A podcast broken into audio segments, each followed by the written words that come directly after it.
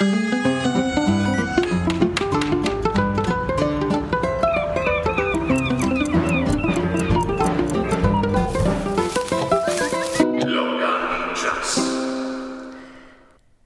Tokrat nastavljamo ure na Koroškom, gremo pod oznožje Uršlje gore, tam namreč že stoletja na plano priteče prav posebna voda, za katero velja, da je zdravilna. Ali je res, kaj na tem pa je raziskovala naša dopisnica za Koroško, Metka Pirc. Metka, dobro jutro. Dobro jutro. Rimski vrelec je ena od koroških znamenitosti, ki pritegne največ pozornosti ne le domačinov, tudi obiskovalcev. Vsi pa prihajajo, da bi poskusili to mineralno vodo, ki je bogata železom, kaj ne?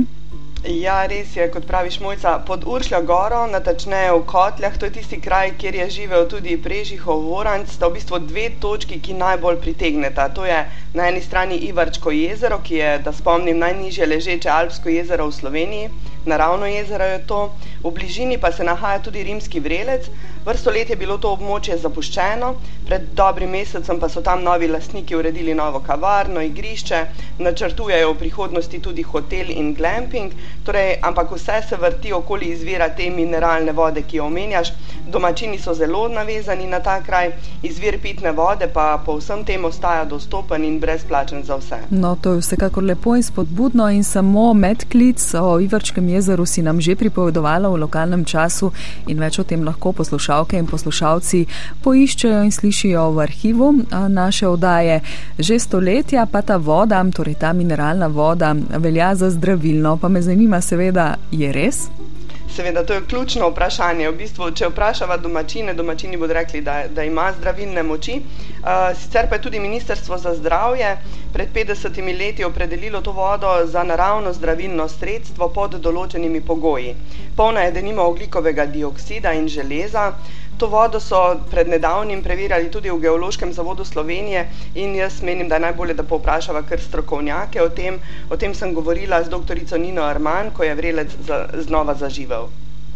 Ja, mi kot geološki zavod smo ocenjevali sestavo vode, torej o zdravilnosti pa sodijo zdravniki oziroma balneologi. Eh, mi smo ugotovili, da njena sestava je še vedno takšna, kot je bila in še vedno ostaja značilna visoka koncentracija železa, nekaj ima tudi mangana in ravno zaradi železa je v bistvu dobila že leta 1975 odločbo, da je to lahko naravno zdravilno sredstvo, torej da je to zdravilna voda. Ja, v bistvu oglikov dioksid povzroči, da lahko voda sama teče, torej to, kar vidimo na lokaciji, oziroma zato je sploh nastal izvir, ker z oglikov dioksid uh, zmanjša gostoto vode in lahko ta sama priteče na površje brez uporabe kakršnih koli črpalk.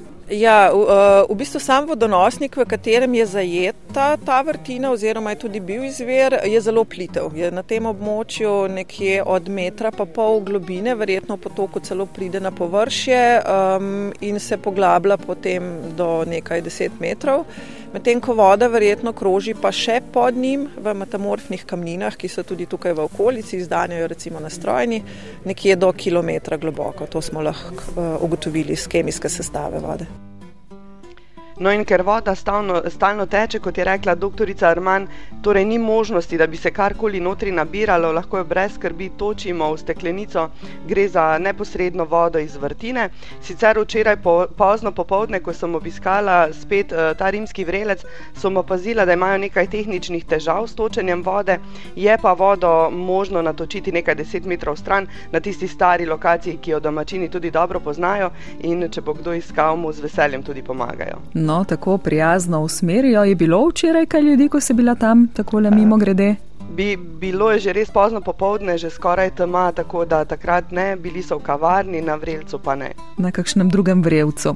Že v 19. stoletju pa so to vodom, ki je osrednja gostja današnjega lokalnega časa poznali kot koroški rimski vrelec, mednarodno je bila priznana in poznana, pil naj bi jo sam cesar Franc Jožef. Ja, kar me je presenetilo, takrat so jo recimo priporočali za zdravje živčnih bolezni, slabokrvnosti, bolezni prebavil, mehurja in ledvic, celo grla in dihal, pa tudi neješčosti. Bili so dobri promotorji v tistem času, tako da so vodo to iz rimskega vrelca prodajali celo v dunajskih lekarnah, na steklenicah je bil prepoznavni uh, cvet planike. Uh, Tadej Pungartnik, direktor Koronskega pokrajinskega muzeja, pa je preučeval to uh, zgodovinskega vidika in bo povedal več. začetki rimskega vrelca kot letovišča se začnejo nekako v drugi polovici 19. stoletja. Tista prava prelomnica je pa leto 1877, ko so zgradili prvo uh, večjo letoviško stavbo, kjer so seveda potem lahko prihajali tudi eh, turisti. Poleg tega eh, letovišča je pa bila seveda pomembna tudi kisla voda, ki so jo tržili kot ustekleničeno vodo. Veljala je za najboljšo v monarhiji, eh, lastniki so bili tudi dobri promotorji, marketing je uspeval, tako da so lahko ljudje oglase videli po vseh železniških eh, postajah v avstro-ogrski monarhiji, na vseh vlakih in je bila res zelo priljubljena. Ampak v bistvu oni so rimski vrelec zgradili ravno zaradi te vode, pozneje pa je postal ta zdraviliški turizem bolj pomemben. Tako, seveda, prvi je bil tukaj eh, iz, naraven izvir, uh, ki so ga seveda ljudje v okolici poznali, so ga tudi uporabljali in zaradi tega se je seveda tudi lahko razvilo letovišče. Letovišče je bilo sicer majhno, ampak zelo poznano. Gosti so, so v preteklosti seveda prihajali iz višjih slojev, ker takšni so si seveda lahko privoščili potovanja, takšni so si lahko privoščili prosti čas oziroma so svojim prostim časom tudi razpolagali. Torej je šlo za više sloje, za plemstvo, zdravnike, industrijalce, eh, tako da to so bili tisti glavni gostje v preteklosti. In še ena zanimivost, mojca, ko je prišla elektrika, je bilo to letovišče na Koroškem eno prvih, ki je imelo elektriko. Ja, zanimivo in gotovo povezano tudi s tem, da je sam, sam cesarski dvor bil nadušen na temi kraji in je seveda imel interes, da se razvijajo. Sicer pa medka to ni edini takšen izvir na tem območju, so pokazale raziskave in zdaj, um, ko se seveda svet sooča s sušo in tudi naši kraji, se na tem področju kaže, kako pomembno je sodelovanje sosedje Ja, v Geološkem zavodu Slovenije so preučevali več takih vodnih izvirov. Eh, preko spleta se da spremljati dva vira, enega v podzemlju Pece in drugega v Topli na območju Črne na Koroškem. Doktorica Nina Arman pravi, da vse, kar se dogaja na eni strani meje, vpliva seveda na vodo tudi na drugi strani meje. Voda ne pozna meja. To je v bistvu največji delujoči izvir na tem območju. Uh, smo v okviru projekta Karavatu uh, popisali še štiri druge lokacije. Pri Dravogradu sta Polančeva pa Komavarjeva Slatina, ki še vedno tečete, ampak bistveno manj kot rimski vrelec. Uh, potem sta pa še dve lokaciji, ki sta uh, ki ima, sta imeli mineralno vodo, sta pa danes zasuti oziroma opuščeni.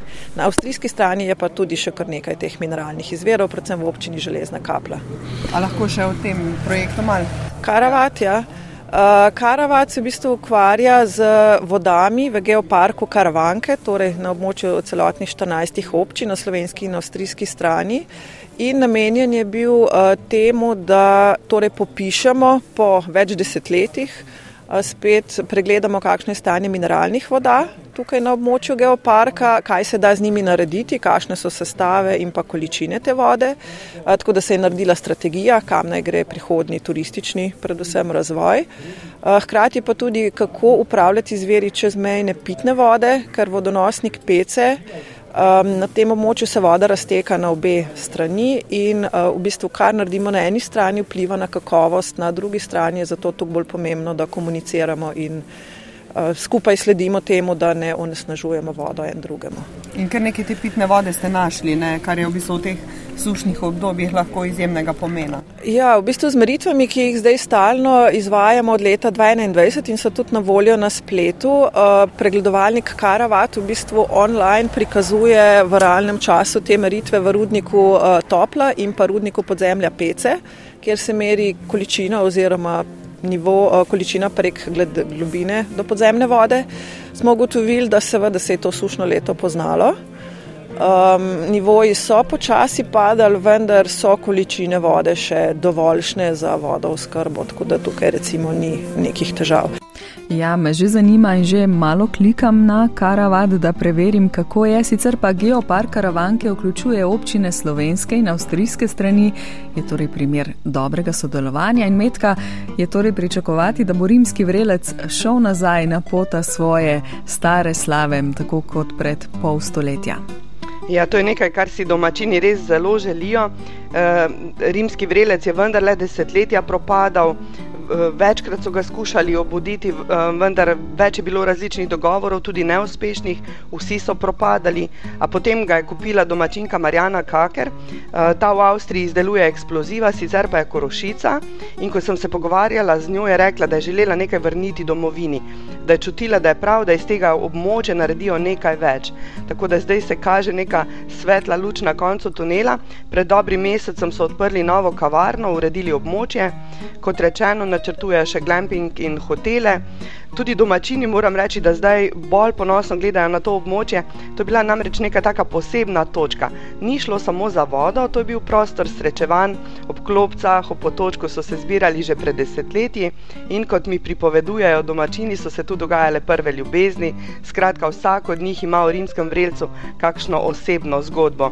Tako da upam, da se najde kdo, ki bi te zgodbe tudi zbral, popisal in se ohranijo tudi potem skozi zgodovino, zagotovo bodo zanimive za prebiranje. Ja, tako kot si rekla na začetku, ta vrelec je res poseben, v marsičem zdravilen, se že to, da človek vzame pot pod noge in gre malo v naravo in si privošči nekaj a, sveže vode, a, lahko veliko naredi zase in za svoje dobro počutje, če pa ob tem sreča še ljubezen svojega življenja, pa še toliko bolje. Medka Pirc, najlepša hvala za te zgodbe, prav osvežujoče, včasih, ko je seveda lokalno dogajanje in lokalna pozornost usmerjena predvsem na prihajajoče volitve. Ja, v teh bo več v nedeljo na Koroškem.